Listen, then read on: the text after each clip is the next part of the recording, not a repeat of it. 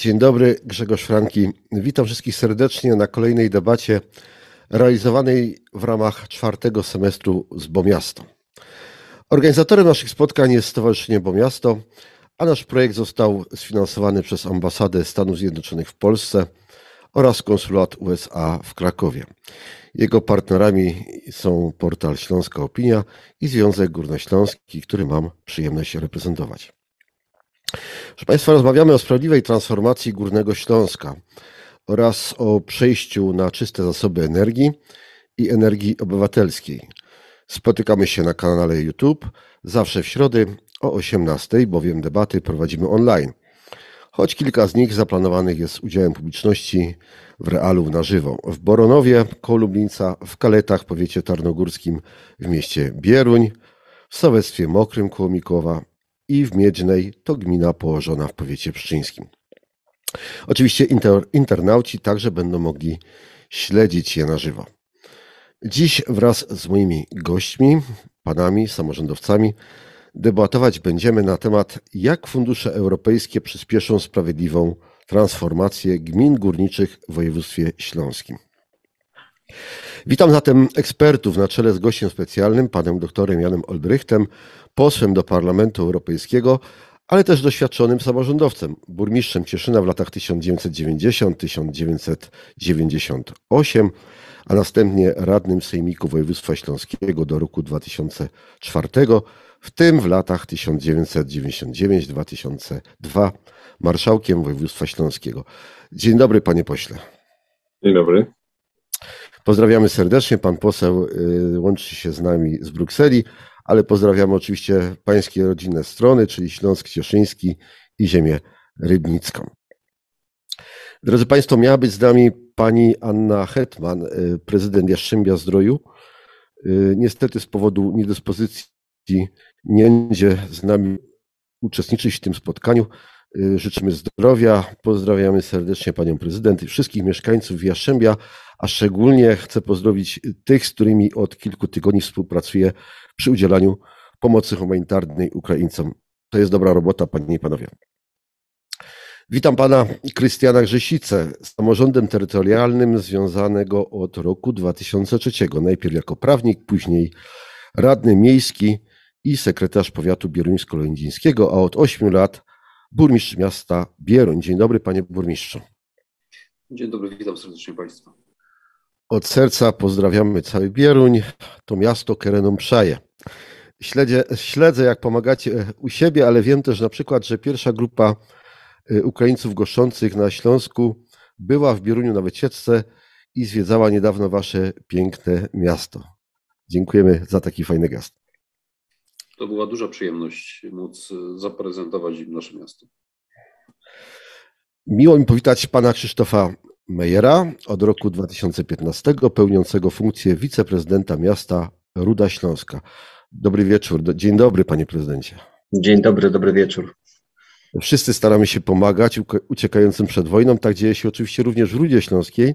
I pozdrawiam zatem wszystkich Rudzian, szczególnie tych, którzy mocno angażują się w tę pomoc i z którymi mam okazję współpracować. Proszę Państwa, ponad trzy tygodnie temu, w niedzielny wieczór, yy, szukałem pomocy, schronienia dla 40 uchodźców, którzy dzięki wspomnianej już wcześniej yy, grupie z Jastrzębia była w drodze na Górny Śląsk. Wykonałem kilka telefonów do yy, prezydentów naszych miast i muszę tutaj powiedzieć, że najkrótsza rozmowa była z panem prezydentem Krzysztofem Mejerem, trwała 66 sekund dokładnie.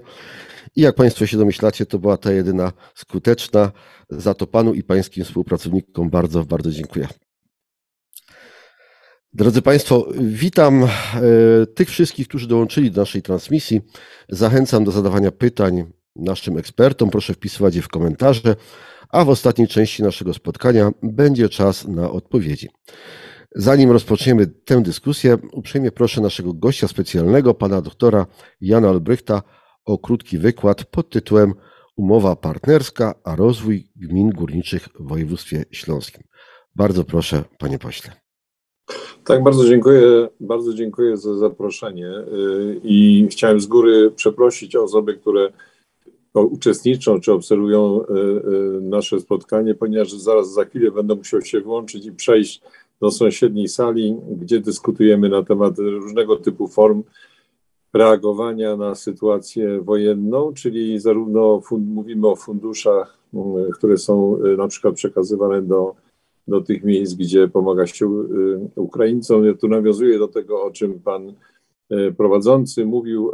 Chciałbym zwrócić na to uwagę, bo jeżeli są wśród nas samorządowcy, wśród słuchaczy, to chciałbym zwrócić Państwa uwagę na to, że 6 kwietnia wchodzi w życie nowy przepis, który daje możliwość przesuwania pieniędzy europejskich, wszystkich niewykorzystanych z polityki spójności z roku 14-20 oraz pieniędzy niewykorzystanych z REACT EU, przesuwanie ich na pomoc uchodźcom na, na taki, w taki sposób, że właściwie wszystko jest możliwe, przekazywanie tego zarówno na kwestie pomocy społecznej, służby zdrowia, edukacji, mieszkalnictwa, a nawet kwestie zaopatrzenia w ubrania bądź w żywność.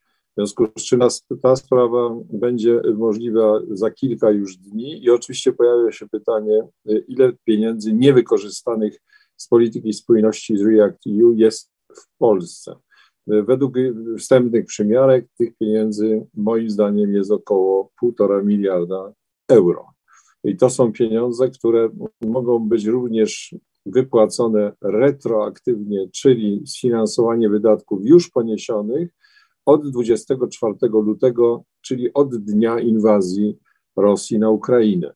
Bardzo Państwa namawiam do tego, żeby poprzez różne organizacje samorządowe jakby do, do, dopytywać się, czy domagać się tego, żeby pieniądze te, które zostają z polityki spójności, poszły do, do tych, którzy najbardziej ponoszą te koszty, czyli do samorządów y, i do organizacji pozarządowych. To tak ty, ty, tytułem y, no, powiedzenia o tym, co, co się dzieje w tej chwili. I oczywiście to jest pierwszy etap pomocy. W tej chwili już rozpoczynają się prace na temat następnych etapów pomocy związanych z y, kryzysem humanitarnym. Y, I to jest y, w tej chwili no, trwają prace nad tym, w jaki sposób jeszcze można by znaleźć pieniądze dla, y, dla tych, którzy mają przyjmować uchodźców, bo przecież nie chodzi tylko o pieniądze dla uchodźców, chodzi o, o ratowanie usług publicznych, żeby nie, się nie załamały w sytuacji tego typu kryzysu.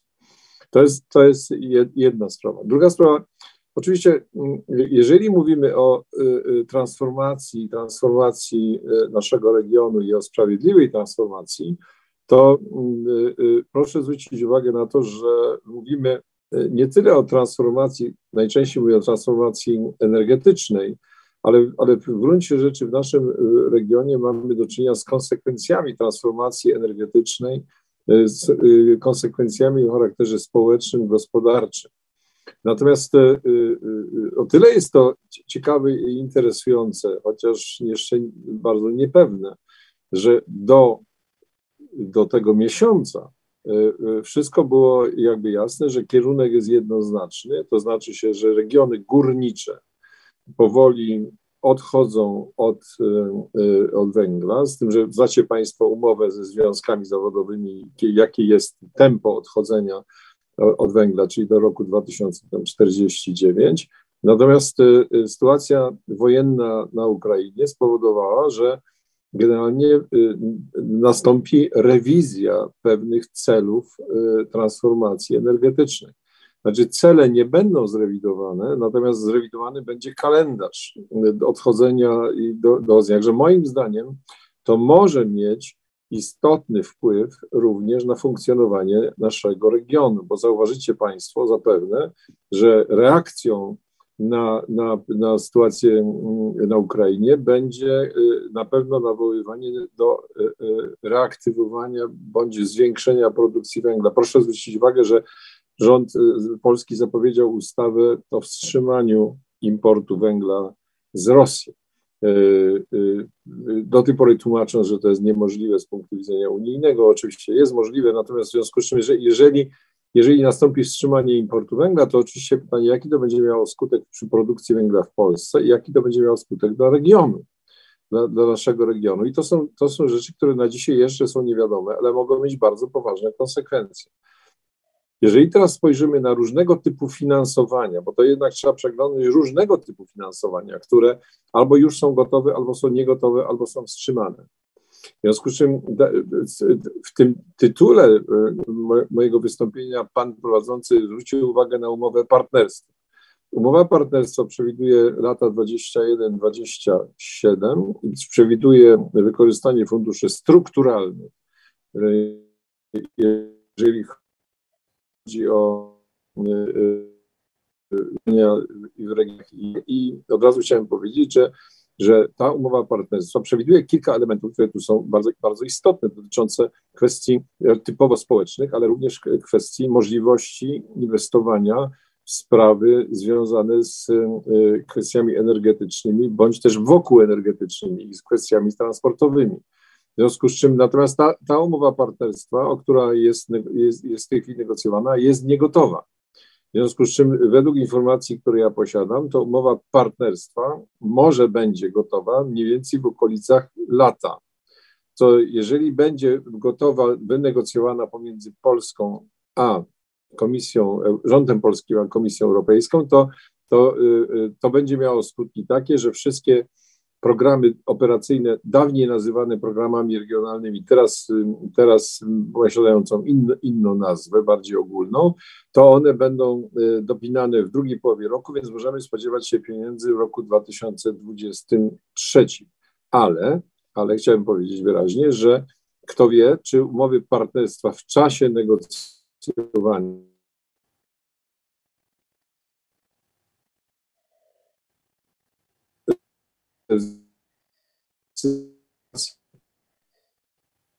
Bardzo e,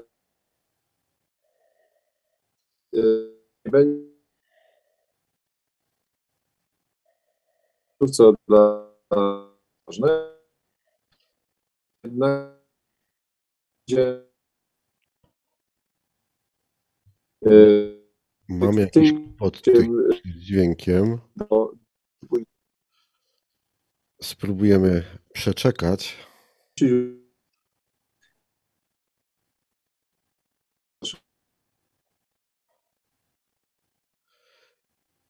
Y, jeżeli tylko ten y, kłopot ustąpi, to oczywiście powrócimy do wypowiedzi pana posła.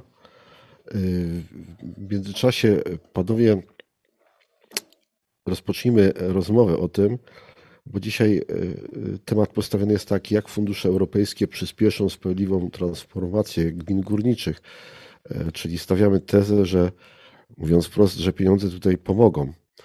E, ale mówi się, że pieniądze to nie wszystko. Jakie wyzwania stoją przed gminami? Panie burmistrzu, jak, jak pan widzi ten proces u siebie e, w Bieruniu? No, no temat e, transformacji e, górniczej rozmawiamy już od kilku lat, natomiast rzeczywiście te rozmowy weszły na taki intensywny poziom w momencie, kiedy pojawiła się pojawiła się, pojawił się kalendarz zamykania kopalń. E, dlatego że w moim regionie kopalnia Piast Ziemowi to jest 2034-2035, a więc e, już niewiele lat e, zostało do, do tego momentu, no i musimy bardzo dobrze wykorzystać ten czas i przygotować się. Jak to zrobić, to może za chwilę, a spróbujmy, bo pojawił się pan poseł dr Jan Olbrych, spróbujmy tak. ponownie. Ja przepraszam bardzo, ale połączenia w Belgii widocznie nie są takie dobre jak na Śląsku. Także dlatego, dlatego proszę wybaczyć. Na Śląsku nawet internet jest lepszy, jak widać i słychać. Tak, tak, więc y, ja tylko, ja rozumiem, że w pewnym momencie się urwałem, to znaczy, że, że przerwało się y, moje wystąpienie, więc dlatego chciałem tylko wrócić i powiedzieć, że umowa partnerstwa y, do, do, do lata i potem pieniądze moim zdaniem roku 2023 i ta umowa partnerstwa jeszcze jest w trakcie negocjacji. W związku z czym dlaczego, warto o, o tym pamiętać. Druga sprawa jest tu bardzo ważna, dotycząca Funduszu Sprawiedliwej Transformacji. Jak Państwo wiecie, ten program jest e, bardzo poważnie tam analizowany na terenie województwa śląskiego. Natomiast z tego, co ja się orientuję, to w dalszym ciągu nie jest oczywiste, czy tych, czy tych programów będzie trzy, czy będzie sześć. ponieważ Komisja Europejska chce, żeby to były trzy, czyli śląskie, dolnośląskie i wielkopolskie, natomiast rząd polski chce, żeby ich było sześć, czyli jeszcze łódzkie, małopolskie i lubelskie. To jest bardzo ważne dla naszego regionu, bo czym innym, kiedy suma jest podzielona na trzy, a kiedy jest podzielona na sześć. W związku z czym to jest tutaj absolutnie kluczowa kwestia. I teraz niezwykle ważne, proszę Państwa, ponieważ Fundusz Sprawiedliwej Transformacji bardzo często jest podawany jako ten, ten przykład zmiany w ogóle produkcji energii i tak dalej. Fundusz Sprawiedliwej Transformacji ma dotyczyć przede wszystkim skutków społecznych, skutków społecznych transformacji energetycznej. Dlatego ma być przeznaczony dla regionów, w którym mamy y, y, y, zamykanie miejsc pracy, czy zlikwidowanie miejsc pracy w górnictwie. To dlatego ten fundusz powinien iść właśnie na sprawy, o których dzisiaj rozmawiamy on ma iść na przekwalifikowanie ludzi. On ma iść przede wszystkim na budow- wspieranie małych i średnich przedsiębiorstw, które tych ludzi przejmą. Ma iść na wspieranie y, y, pewnych działań związanych chociażby z niepracującymi kobietami w regionie, co jest bardzo istotne, czyli wprowadzenie ich na rynek pracy. To jest, to jest kwestia, ten fundusz ma być y, zmianą, transformacją regionu, a nie ma być transformacją produkcji energii to on jest za mały. On jest za mały, doskonale wiemy, że on jest za mały. Gdybyśmy chcieli e, na przykład wykorzystać ten fundusz na przykład do rewitalizacji czy dekontaminacji terenów, to w ogóle wszyscy wiemy, panowie e, e, prezydent burmistrzowie wiedzą doskonale, ile kosztuje. Znaczy to po prostu to te pieniądze kompletnie na to nie wystarczą. Natomiast to, jest, to są pieniądze ewidentnie na transformację społeczno-gospodarczą, na, na, na to, żeby zmieniać region i dawać możliwości ludziom, ludziom pracy. To jest bardzo istotne i, i w tych sprawach ja rozumiem, że ostateczne decyzje jeszcze nie zapadły, a, a by, były absolutnie za tym, żeby ten fundusz tylko na trzy regiony, bo tylko w tych trzech regionach tak naprawdę mamy do czynienia ze zmianami na, na rynku pracy. Kolejną sprawą, która jest niezwykle ważna, jest oczywiście Krajowy Plan Odbudowy. Krajowy Plan Odbudowy, który na razie wisi, to znaczy jest za, zatrzymany, natomiast wewnątrz Krajowego Planu Odbudowy przede wszystkim są reformy. Znaczy, ale y, y, reformy dotyczące czy to rynku pracy, czy edukacji, czy, y, czy mm, służby zdrowia, czy też planowania przestrzennego. Ale tutaj muszę powiedzieć, że proszę wybaczyć, ale niestety nie wiem, co jest w środku, ponieważ nikt nie wie, co jest w środku. Znaczy, ani komisja nie wie, ani polscy parlamentarzyści nie wiedzą, ponieważ do czasu zakończenia prac KPO między rządem a komisją treść tego dokumentu została utajniona. W związku z czym ja zakładam, że tam są sprawy, które mogą być niezwykle ważne dla rozwoju i dla przekształcenia czy transformacji naszego regionu w kierunku właśnie związanych z edukacją, przekwalifikowaniem i innego typu podejściem do, do małych i średnich przedsiębiorstw. To jest, to jest nie, niezwykle ważne i tutaj jeszcze nie mamy żadnych informacji y, w tym zakresie. A więc obraz na dzisiaj jest taki, że jeżeli chcemy poważnie mówić o transformacji naszego regionu, to musimy wziąć pod uwagę wszystkie te elementy razem. To znaczy, zarówno elementy związane z niezbędnymi reformami y, dotyczącymi funkcjonowania regionu, również w tym również systemów podatkowych. Dam Państwu przykład. W Krajowym Planie Odbudowy Danii jest specjalny, y, specjalny system podatkowy dla firm, które wprowadzają cyfryzację. Znaczy specjalny system zwolnień y, podatkowych dla firm, które wprowadzają cyfryzację, żeby zmobilizować firmy cyfrowe do rozszerzenia swojej działalności. To są rzeczy, które są u nas bardzo potrzebne, bo widzimy na Śląsku y, y, coraz więcej firm, które pojawiają się na naszym terenie, bazując na dobrej, na dobrej wykwalifikowanej kadrze, potrzebny byłby system organizacyjny i również system finansowy. A więc z jednej strony to, co jest w KPO, zakładam, e, reformy, po drugie pieniądze, które są e, e, w Funduszu Sprawiedliwej Transformacji. I po trzecie to jest kwestia umowy partnerstwa, w której mamy cały szereg różnych działań, zarówno infrastrukturalnych, mam na myśli drogi, ale również infrastrukturalnych w sensie przesyłu energii, to są rzeczy, które są absolutnie kluczowe i tam są elementy również społeczne, no i tam również jest element związany z ZIT-ami. To znaczy, jako jeden, jako jeden z autorów tego pomysłu w Europie ZIT-ów, moim zdaniem dla naszego regionu jest to absolutnie kluczowe, czyli czyli inaczej mówiąc pozwolenie miastom i czy to w aglomeracji na współdziałanie i budowanie wspólnych projektów, które po prostu pozwalają zaoszczędzić i czas, i pieniądze, i w tej umowie partnerstwa to jest. Znaczy są możliwości, natomiast ja słyszałem, że na etapie negocjacji y, y, te umowy partnerstwa są tak y, formułowane, że niekoniecznie wzmacniają właśnie doświadczenia zitowskie. Też namawiam, żeby się temu dokładnie przyjrzeć. Fundusz Sprawiedliwej Transformacji i jeszcze przed nami jest kolejny fundusz. Proszę pamiętać, że jeżeli wejdzie w życie, jeżeli wyjdzie reforma handlu emisjami, jeżeli ona wejdzie w życie, to wtedy pojawi się nowy, nowy fragment tego handlu emisjami dotyczący budownictwa mieszkaniowego i transportu drogowego. Jeżeli to przejdzie, bo nie jestem pewien, czy przejdzie, jeżeli przejdzie, to wtedy y, będziemy mieli pieniądze w tak zwanym społecznym funduszu klimatycznym, który powi, powinien iść po to, żeby złagodzić skutki pe, pewnych określonych działań. Ale to wszystko, o czym mówię, jest teraz pod dużym znakiem zapytania, bo nie wiadomo, czy w sytuacji wojny na Ukrainie nastąpi zmiana rzeczywiście y, w handlu emisjami, czy nie. Y, y, z drugiej strony nie, nie, wiadomo właśnie, kiedy wejdzie w życie Krajowy Plan Odbudowy. Co do umowy partnerstwa, mam nadzieję, że poznamy jej szczegóły w najbliższym czasie i one, one, ona się musi, że tak powiem, uzupełniać z elementami Funduszu Sprawiedliwej Transformacji, a przypominam, że Fundusz Sprawiedliwej Transformacji jest w dwóch, w dwóch częściach. Znaczy jest po pierwsze w budżecie, a po drugie jest w funduszu odbudowy e, razem. Także to, to jest Fundusz Sprawiedliwej Transformacji, no i zobaczymy, co będzie społecznym, społecznym funduszem klimatycznym.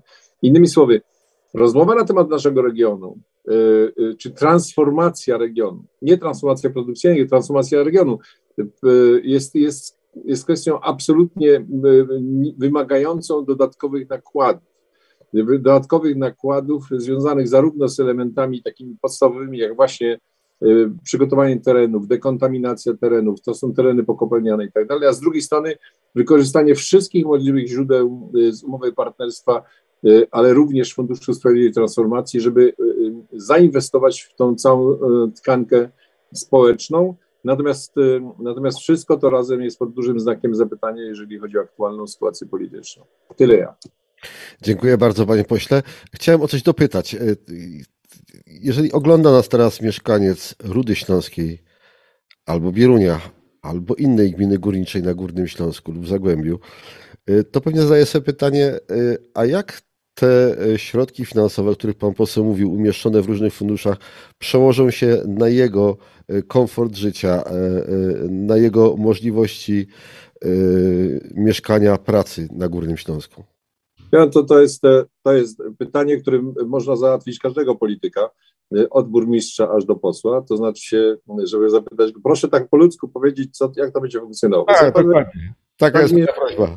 Z Rudy Śląskiej powinien po pierwsze zapytać, czy budowa nowej kopalni na Śląsku nie zablokuje w ogóle pieniędzy dla, dla Rudy Śląskiej, y, y, y, bo ten, kto wymyślił danie koncesji w grudniu zeszłego roku na nową kopalnię w Mysłowicach, dobrze mówię, w Mysłowicach, tak. to, jest, to może spowodować, że z Funduszu Sprawiedliwej Transformacji do Rudy trafi zero. Ja rozumiem, że to jest pierwsze pytanie, które powinien mieszkaniec zadać, ale mam nadzieję, że, że uda się to jakoś minąć.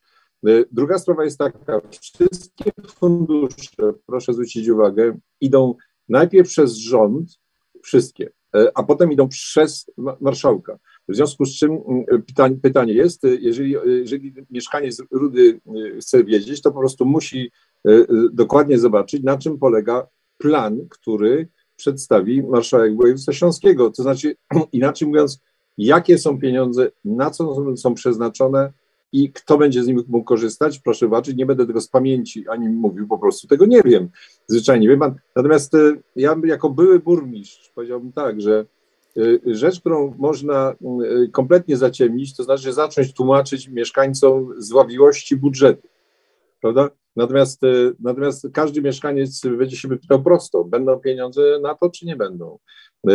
Czy będzie na coś konkretnego, czy nie? Ale bardzo proszę jednak te, to pytanie skierować do, do Urzędu Marszałkowskiego, do województwa, ponieważ tam, tam będzie realizowany program, z którego będzie można otrzymać pieniądze. ja rozumiem, że skoro nie ma jeszcze umowy partnerstwa, no to nie ma jeszcze tych informacji. Ja myślę, że samorządy zresztą się bardzo niecierpliwią. Czas leci, mamy drugi rok i nie ma jeszcze programów. W związku z czym pytanie, kiedy w ogóle pieniądze, pieniądze się pojawią? Moim zdaniem najwcześniej w roku 2023, co powoduje, że do tego czasu jeszcze trochę będzie, będzie rozmowy. Bardzo dziękuję panie pośle. Wiemy, że pan musi uciekać do kolejnych swoich obowiązków. Pozdrawiamy serdecznie. Do zobaczenia na Górnym Śląsku. Tym, że ja od razu chciałem powiedzieć, że żebym się, żeby Państwo nie myśleli, że jak się chce wymigać odpowiedzi, znaczy ja muszę powiedzieć, że też jako mieszkaniec województwa śląskiego bardzo czekam na dokumenty, jakie są i na przykład, bo mnie pytają w Cieszynie, Pan tak samo jakbyś pytają w Rudzie, tak samo pytają w Cieszynie, no ile będzie pieniędzy dla Cieszyna na przykład, prawda? I od razu od razu y, mogę panu prezydentowi powiedzieć, że jeden z poważnych tematów w mieście, w którym teraz mieszkam, dawniej w Rybniku, y, jest chociażby kwestia ogrzewania miasta. Prawda? I to jest pytanie dla, dla, dla miasta kluczowe. Do tej pory miasto jest ogrzewane węglem. Właśnie miało przygotowane przejście na ogrzewanie gazem. Y, w tej sprawie nie za bardzo zgadza się udział, udziałowiec pod nazwą Tauron.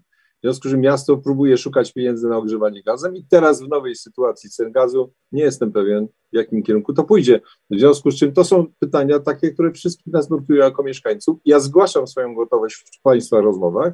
Jeżeli tylko się pojawi jakikolwiek, bardzo chętnie łączę się na temat tego, jak te pieniądze praktycznie będą mogły być wykorzystywane. Jestem do dyspozycji.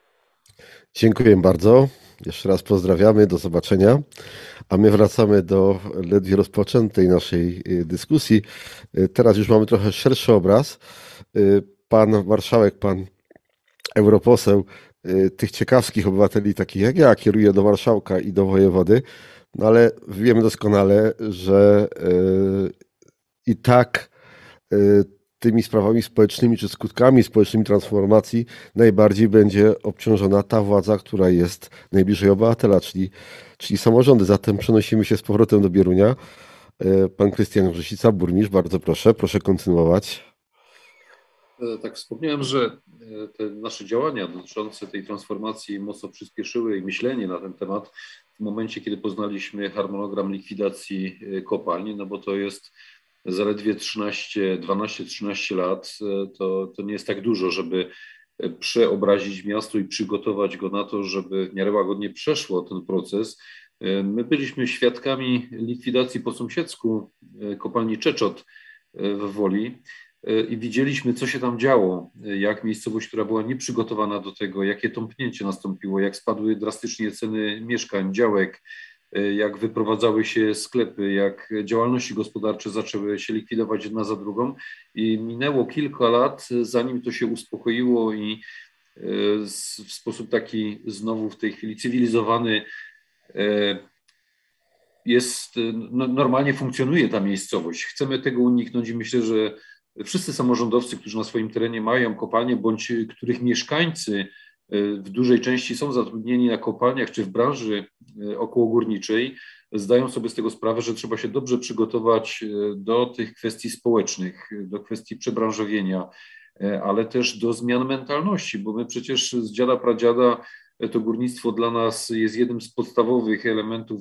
zatrudnienia i niektóre rodziny w ogóle sobie nie wyobrażają, że można inaczej. Ja powiem więcej, jak rozmawiam w tej chwili z górnikami, którzy są zatrudnieni, to mimo tego, że mówi się wprost, że jest kalendarz likwidacji tych kopalń, to oni mówią, no my w to nie wierzymy. No, tyle razy już mówiło się o likwidacji kopalń i potem e, i tak się z tego wycofywano, a jeszcze ta obecna sytuacja, która rzeczywiście jest na Ukrainie, blokada e, importu e, węgla z Rosji, no, no to się pojawiają pytania, potem no to w takim razie trzeba jednak będzie te kopalnie nie wygaszać, a być może będą musiały dalej fedrować. To są pytania na dzisiaj pewnie bez odpowiedzi, e, ale wskazują na to, że e, musimy wszyscy się temu bardzo mocno przyglądać. No i to, co powiedział pan europoseł, czekamy wszyscy na, na te rzetelne, konkretne już informacje w zakresie tych środków, które pomogą nam na tą transformację naszych miejscowości i takie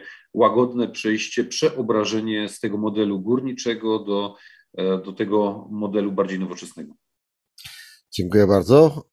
A teraz poznajemy zdanie prezydenta miasta nieco większego, nie no, kilka razy większego, bo jeśli dobrze pamiętam, to 120 tysięcy mieszkańców jest w Śląskiej. Tak, panie prezydencie? No, troszkę więcej, tak około 130 tysięcy. Proszę nie umniejszać e, Rudy Śląskiej. Jest bym śmiał, nigdy. Ja, cóż, ja mogę się podpisać pod tym, co powiedział e, burmistrz, e, bo Ruda Śląska nie jest jakąś enklawą czy wyspą, gdzie inne procesy zachodzą. E, czekają nas ogromne wyzwania. E, jesteśmy przekonani, że sami sobie tym wyzwaniom nie poradzimy. E, potrzebujemy tutaj ewidentnie wsparcia i to wsparcia nie tylko w postaci środków unijnych, ale wsparcia strony rządowej. Na terenie Rudy Śląskiej działa e, kopalnia Ruda, która zatrudnia ponad 7 tysięcy górników, 7 tysięcy górników. E, to są osoby nie tylko z Rudy Śląskiej, ale z sąsiednich miast. Rudzian w kopalni jest około 4 tysięcy, więc łatwo wyobrazić sobie, co się stanie, kiedy nagle ta kopalnia przestanie federować.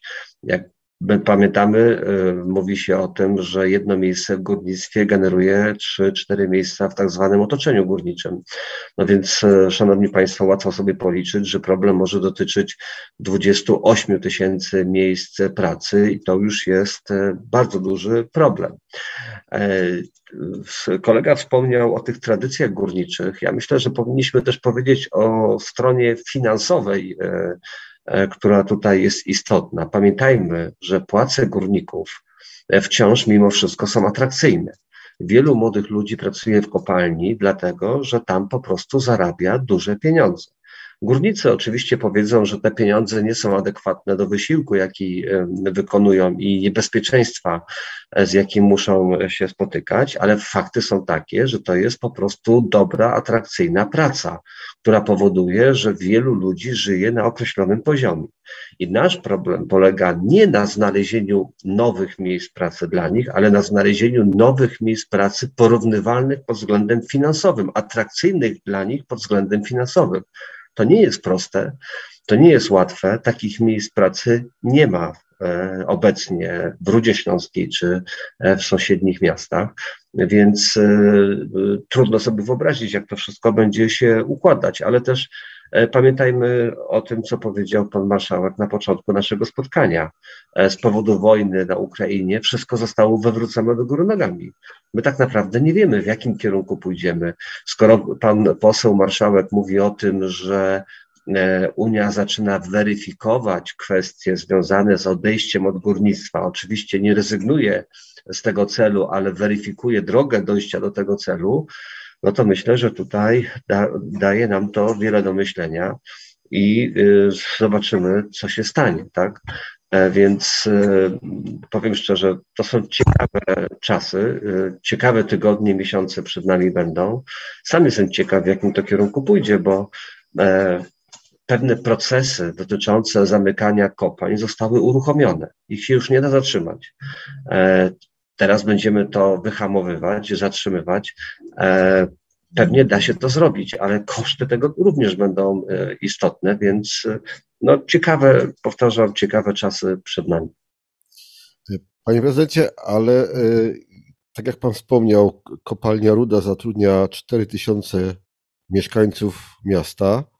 To oznacza, że z ich pracy wprost żyje około 12-15 tysięcy mieszkańców, nie licząc e, tych, którzy żyją e, wokół kopalń.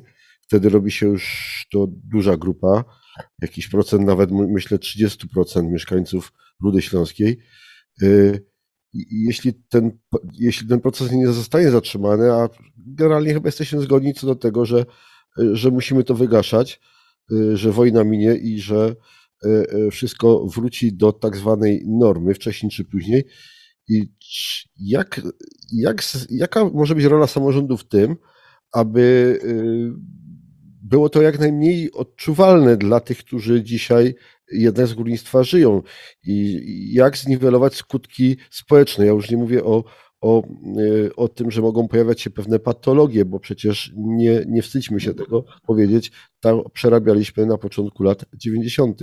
Jaka może być tym rola samorządu i, i, i kto powinien samorządowi w tym pomagać, bo bo te pieniądze, o których mówił chociażby pan poseł, rządowe czy unijne, one przecież nie trafią najprawdopodobniej bezpośrednio do budżetu Rudy Śląskiej czy do budżetu Bierunia, tylko po drodze będzie albo y, administracja rządowa, albo samorządowa na szczeblu wojewódzkim.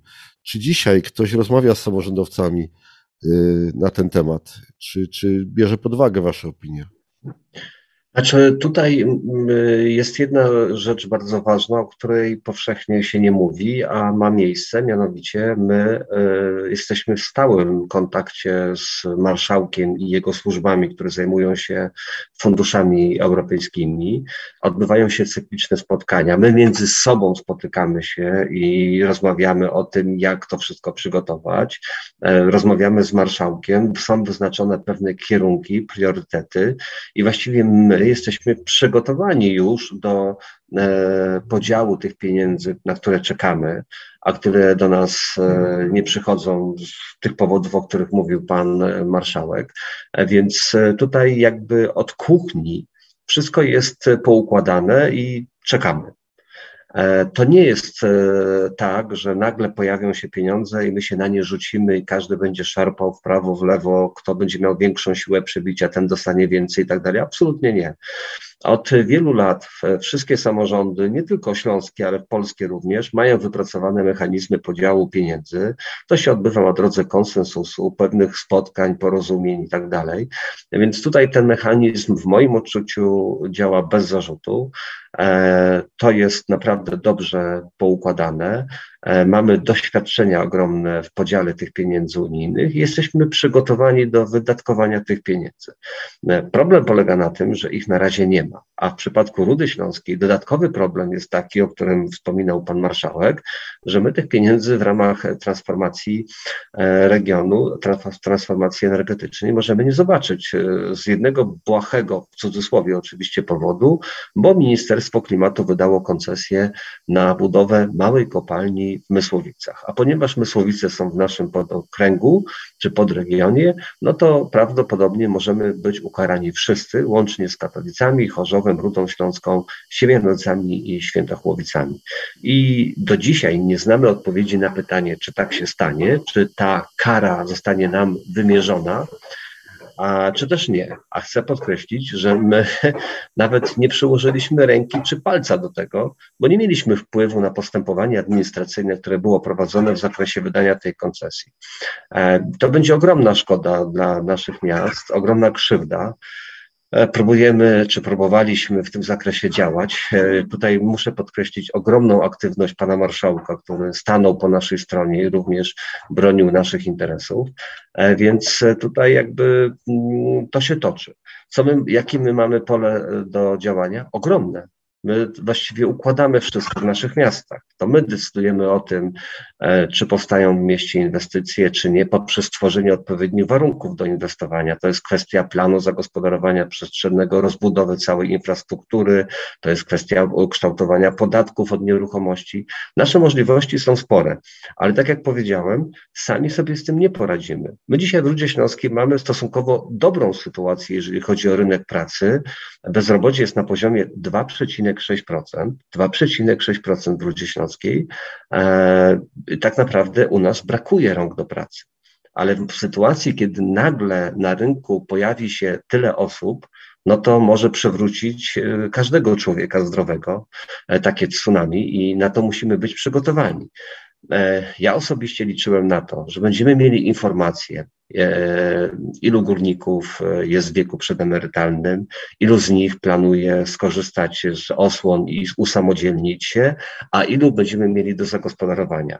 Być może to wszystko jest przed nami, bo te procesy e, będą się dopiero toczyć, więc ja zakładam taką współpracę, że my będziemy informowani odpowiednio wcześnie, co nas czeka, będziemy mogli się na to wszystko przygotować i razem wspólnie z rządem działać. Ale proszę sobie też przypomnieć sytuację, kiedy e, ważyły się losy budowy fabryki samochodów elektrycznych, czy w Rudzie Śląskiej, czy w Jaworznie to było takie zapewnienie ze strony rządowej, że nawet jeżeli ta fabryka nie powstanie w Rudzie Śląskiej, to coś w tej Rudzie Śląskiej powstanie. Dlaczego o tym mówię?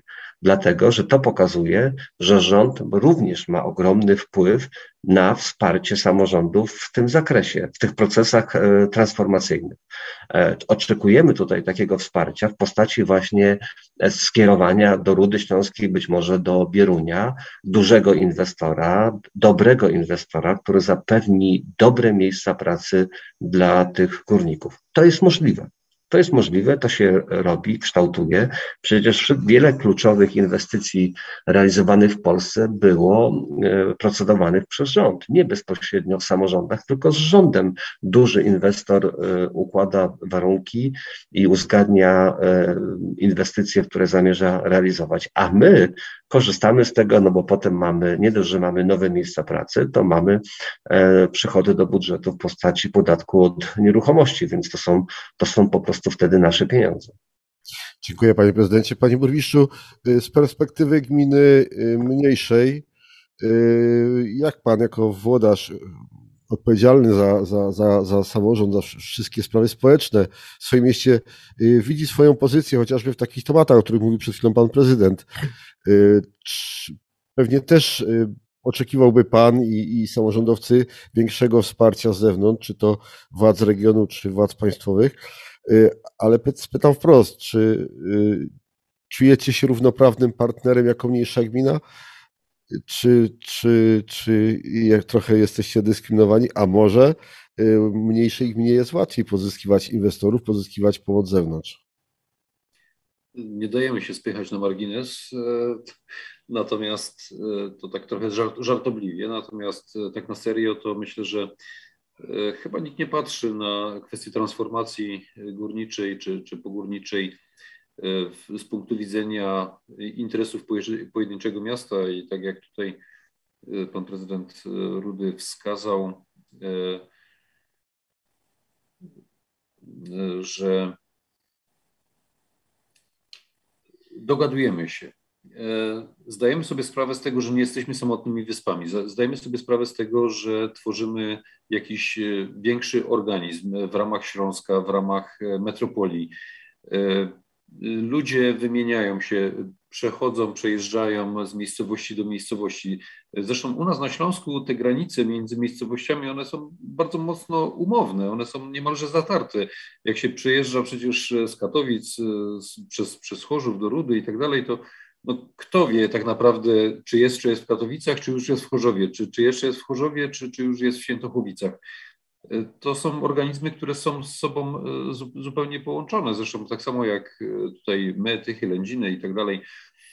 Natomiast jaki mamy wpływ? Myślę, że mamy spory wpływ. Jeżeli tylko samorządowcy mają wyobraźnię, a sądzę, że zdecydowana większość tą wyobraźnię ma, to w sposób odpowiedzialny przygotowuje się do tego, co, e, co jest przed nami. E, my w Bieruniu, zdając sobie sprawę już dużo lat wcześniej, że to górnictwo nie będzie wieczne, że my musimy coś zrobić, staraliśmy się dywersyfikować tą działalność gospodarczą, staraliśmy się wprowadzać nowe podmioty.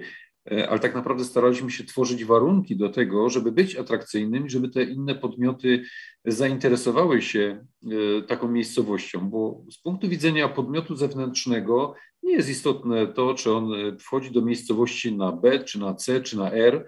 E, dla niego jest istotne, jakie on ma warunki, jaką on ma komunikację, jak, jak on załatwia sprawy administracyjne, czy, czy szybko, czy opornie, jakie ma podatki, jakie ma ulgi, tak naprawdę, czy ta jego działalność y, gospodarcza będzie bezproblemowa i, i czy będzie tutaj miał pomoc. I my, jako samorządowcy, na pewno y, musimy starać się, żeby, żeby te warunki były jak najlepsze. Ale też trzeba patrzeć na przyszłość, no zdawać sobie sprawę z tych ryzyk, które będą. Tutaj dużo się mówiło na temat tych problemów społecznych, które, które będą, kiedy nagle kopalnia zostanie zamknięta i kiedy mnóstwo ludzi, tysiące ludzi, dziesiątki tysięcy ludzi e, znajdzie się w zupełnie nowej sytuacji, jeżeli nie będą przygotowani do tego, No ale kto, kto będzie ich przygotowywał? No my jako samorządy musimy wyobrażać sobie, w jaki sposób tych ludzi przygotować i widzimy też na miejscu, czy oni są przygotowani, czy są nieprzygotowani. No, no to będzie duży problem. Natomiast my jako samorządy sami nie poradzimy sobie e, z tym dużym problemem. To, to musi być wsparcie województwa, to musi być e, wsparcie rządu. E, tak samo zresztą jak mnóstwo innych problemów, które się pojawią z wykorzystaniem infrastruktury pogórniczej mnóstwo problemów, które się pojawią z tymi, z tymi rzeczami, które w tej chwili górnictwo załatwia, czyli na przykład utrzymując różnego rodzaju przepompownie, pompownie, z, które przepompowują wodę z niecyk bezodpływowych powstałych wskutek eksploatacji górniczej, zajmują się szkodami górniczymi. No, kiedy już nie będzie tego górnictwa, no to spadnie to na czyjeś barki. Pyta, pytanie na czyje barki, czy, czy to będzie e, finansowane, w, jak, w jaki sposób to będzie finansowane, kto będzie brał odpowiedzialność za to. To, to są rzeczy, e, które się pojawią, te problemy, i my już w tej chwili musimy starać się wyprzedzić e, to myślenie i starać sobie wyobrazić, jakiego rodzaju problemy nastąpią i znajdować antidotum na te problemy. Dziękuję bardzo. Panowie, chcę Was teraz zachęcić do tego, abyśmy przez moment, może zapomnieli to, to niewłaściwe słowo, ale odłożyli na bok konflikt zbrojny Rosji z Ukrainą. Załóżmy, popatrzmy pozytywnie, że on zakończył się albo wkrótce się zakończy i wszystko wróci choć nie wiadomo, czy wszystko wróci do tego, co było wcześniej. Natomiast pytanie moje jest proste. Czy niezależnie od tego, co dzieje się za wschodnią granicą, y, proces transformacji energetycznej Górnego Śląska powinien być przyspieszony, czy powinien być spowolniony, czy iść w takim tempie jednak trochę żółwim, jak to obserwujemy y, aktualnie? Panie prezydencie. E, ja bym powiedział tak, ani nie przyspieszony, ani spowolniony, po prostu dobrze poukładany, dobrze przygotowany. Powinniśmy od każdej strony do tego procesu dobrze się przygotować i wtedy wszyscy wyjdziemy z tego cali i zdrowi. E, tak wydaje mi się, że najsensowniej należałoby na to pytanie odpowiedzieć. E, to nie są łatwe sprawy. Myślę, że można je porównać do tego, co się działo w latach, pod koniec lat 90., kiedy górnictwo było e, restrukturyzowane, kiedy był, nastąpił proces zamykania kopalń, kiedy rządziła koalicja akcji wyborczej Solidarność. Więc powinniśmy wyciągnąć wnioski z błędów, jakie wówczas popełniono, a te błędy popełniono, bo sami autorzy tej reformy o tym mówili wielokrotnie. No i dobrze się do tego wszystkiego przygotować. Panie prezydencie, dobrze się do tego przygotować, ale jeśli spojrzymy na przykład na tak zwaną kolejną już umowę społeczną, która tylko z nazwy jest społeczna, bo zawarta pomiędzy rządem a związkami zawodowymi, no to ja osobiście nie odczuwam takiej woli pełnej współpracy aktualnie rządzących z innymi podmiotami, z samorządowcami, z naukowcami, z organizacjami pozarządowymi. Czy nie uważa Pan, że, y, że ta umowa, y, która miałaby wypracować drogę odejścia od, od węgla, drogę tej transformacji, powinna być omawiana i uzgadniana w szerszym gronie, również samorządowców? No, dotyka Pan problemu bardzo istotnego, e, który my jako samorządy górnicze podnosiliśmy na etapie, kiedy ta umowa była e, dyskutowana, negocjowana, uzgadniana ze stroną społeczną. Przecież to my właśnie e, domagaliśmy się włączenia nas do tych rozmów i po naszych stanowczych działaniach i wypowiedziach taka rzecz nastąpiła. Przedstawiciele gmin górniczych zostali włączeni do rozmów prowadzonych w Urzędzie Wojewódzkim. Mieliśmy pewien wpływ na zapisy w tym dokumencie, ale chcę zwrócić uwagę, że w tym dokumencie, nie pamiętam teraz w którym paragrafie, jest mowa o tym, że kwestie związane e, z transformacją w gminach będą uzgadniane z gminami górniczymi w obrębnym postępowaniu. I to, co mnie najbardziej rozczarowuje, to właśnie brak tych rozmów. E, liczyliśmy na to, że po podpisaniu umowy społecznej, e, po pierwsze, pojawią się akty prawne, które są wymienione w tej umowie społecznej, ich do dzisiaj nie ma. I po drugie, liczyliśmy na to, że właśnie będą prowadzone z nami konkretne rozmowy dotyczące transformacji energetycznej e, w gminach górniczych. I tutaj w tym zakresie od momentu podpisania umowy społecznej nic się nie wydarzyło. E, w rządzie albo ktoś zapomniał o tych zapisach, albo po prostu rząd zajęty jest w tej chwili innymi kwestiami bardziej istotnymi, związanymi z tym konfliktem zbrojnym na Ukrainie, ale nie tylko. No, Pamiętajmy jeszcze wcześniej Polski Ład, który z, zabsorbował cały rząd na wiele miesięcy, e, więc czekamy. A poza tym e, nie wiemy, jak na tę umowę społeczną zareaguje Unia Europejska. Ale ja chcę powiedzieć jedną rzecz. Jestem zadowolony, że ta umowa powstała, bo dzisiaj nikt już nie pamięta, ale zanim związki zawodowe usiadły do rozmów z rządem nad tą umową społeczną, to pewnego dnia zostaliśmy zaskoczeni fantastyczną wiadomością e, dotyczącą tego, że w ciągu trzech miesięcy kopalnia Ruda w Rudzie Śląskiej zostanie zamknięta to po prostu spadło na nas jak grom z jasnego nieba. Jeżeli mamy o transformacji energetycznej mówić w ten sposób, to ja się pod czymś takim nigdy w życiu nie podpiszę.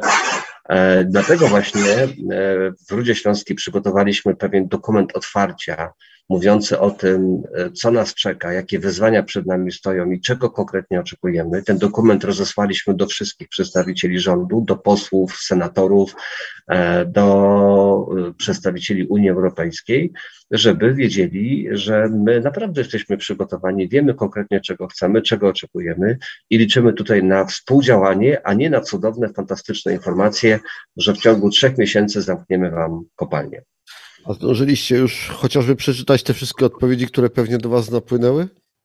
No właśnie problem polega na tym, że nikt tych odpowiedzi do nas nie wysłał, ale my swoją robotę e, wykonaliśmy, swoje zadanie wykonaliśmy. Nikt nam nie może zarzucić, że byliśmy bierni w tym postępowaniu albo przegapiliśmy jakiś e, moment.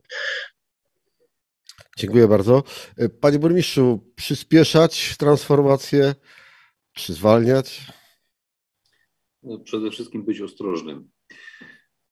Ja przypomnę Państwu, co się E, co się działo w momencie, kiedy e, podjęliśmy intensywne działania dotyczące e, poprawy powietrza, jakości powietrza.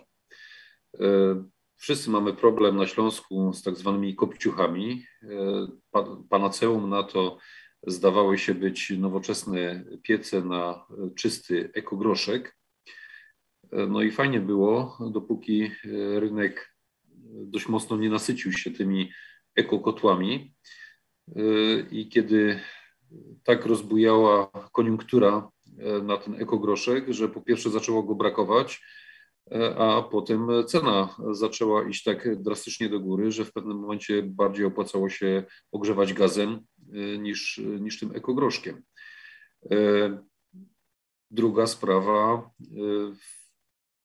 jeżeli chodzi o wymianę tych kopciuchów właśnie, no, wskazywano, że tym, tym lekarstwem jest gaz. No i znowu nakręcona koniunktura niesamowicie, no ale w pewnym momencie duże pieniądze, duże pieniądze na tą transformację, no ale w pewnym momencie okazuje się, że to jest nie do przerobienia, że nie ma tutaj szans na odpowiednią ilość przyłączy, e, że te inwestycje są wstrzymane. Ludzie, którzy mają pozwolenia na budowę, E, zaczynają w tej chwili wracać znowu do gdzieś tam ogrzewania węglowego, mając w głowie to, że no, chcą otworzyć jak najszybciej do, do użytkowania, e, oddać swoje obiekty, natomiast w przyszłości, jak będą mieli przyłącze, no to wtedy będą się przełączać znowu, znowu na gaz. Już nie wspomnę na temat kwestii tych obecnych, bieżących, związanych z wojną na Ukrainie i z problemami z dostawami gazu i, i z cenami E, tego paliwa. Ale dlaczego mówię o tym ekogroszku, o tym e, gazie? Bo to są tylko przykłady. E, dlatego, że nie da się bez jakiegoś sensownego planowania i takiego długofalowego rozkręcać koniunkturę, rozkręcać zapotrzebowanie na określonego rodzaju usługi bądź towary, a potem być zaskoczonym, że ich brakuje. Dlatego uważam, że ta transformacja energetyczna powinna być realizowana w sposób przemyślany, zaplanowany i ostrożny. Powinien być udział samorządu w tym, a może pan uczestniczy w jakichś spotkaniach? Nie wiem, żeby prywatnie dzwoni do pana wojewoda, mówi Krystian, co ty o tym sądzisz? No, akurat ostatnio nie dzwonił. E, sądzę, że, że oczywiście powiedziałbym, jakie jest moje zdanie na ten temat. Myślę, że my jako samorządowcy mamy y, te, ten nasz, mamy miejsca i fora takie, gdzie ten nasz głos jest słyszalny. E, może nie indywidualnie, ale mamy związki samorządowe, mamy Śląski Związek Gmin i Powiatów, mamy Związek Miast Polskich, y, i, i, wiele, wiele innych płaszczyzn, różnego rodzaju spotkania, konsultacje, one się odbywają, czy chociażby ten plan sprawiedliwej transformacji, były spotkania na poziomie regionalnym, gdzieś tam uczestniczyliśmy, ci, którzy chcieli uczestniczyć w spotkaniach na poziomie e, krajowym, więc te konsultacje są. No, inna sprawa jest, co z tych konsultacji wynika, bo nie mogę powiedzieć, że te głosy nie są brane pod uwagę, bo one są brane pod uwagę, choć czasami są takie ciągotki do tego, żeby, że no, my się napracujemy, damy swoje opinie, skonsultujemy tematy, a potem troszeczkę się dziwimy, jaki jest kształt ostateczny e, dokumentu, który otrzymujemy do realizacji. W swojej wypowiedzi pan poseł Jan Olbrycht, kiedy go spytałem, powiedział, że gdy spytałem go o to, co mieszkaniec będzie miał z tych ewentualnych funduszy, które dotrą do gmin i jak to się przełoży na jego życie, odsyłał tych mieszkańców do wojewody i do marszałka, ale znamy dobrze życie i, i, ja nie wierzę w to, że mieszkańcowi Bierunia czy Rudy Śląskiej łatwo będzie dotrzeć do pana marszałka czy do pana wojewody, ale bardzo łatwo będzie spotkać swojego burmistrza albo panią prezydent czy pana prezydenta Krzysztofa, choćby na ulicy swojego miasta. I to i tak y, jakby może nie tyle odpowiedzialność, ale i tak poniekąd po części będziecie twarzą tego, co w waszych gminach będzie się działo. Czy jesteście na to po prostu przygotowani, na taki y, y, kontakt z mieszkańcem w tej kwestii, na uświadomienie go i co gmina może, a czego nie może. I, i jak pan się na to zapatruje, panie burmistrzu? Ja jestem przygotowany na to, dlatego że no, na, na, tym polega tak naprawdę większość pracy samorządowej, na bliskim kontakcie z mieszkańcami. I tak jak Pan wspomniał, nas spotyka się na ulicy, E, mnie żona niejednokrotnie mówi, czy, czemu ty przez godzinę chleb kupujesz. E, a to nie jest tylko kupowanie chleba, tylko to jest odbycie po drodze e, kilku rozmów na, na różne tematy.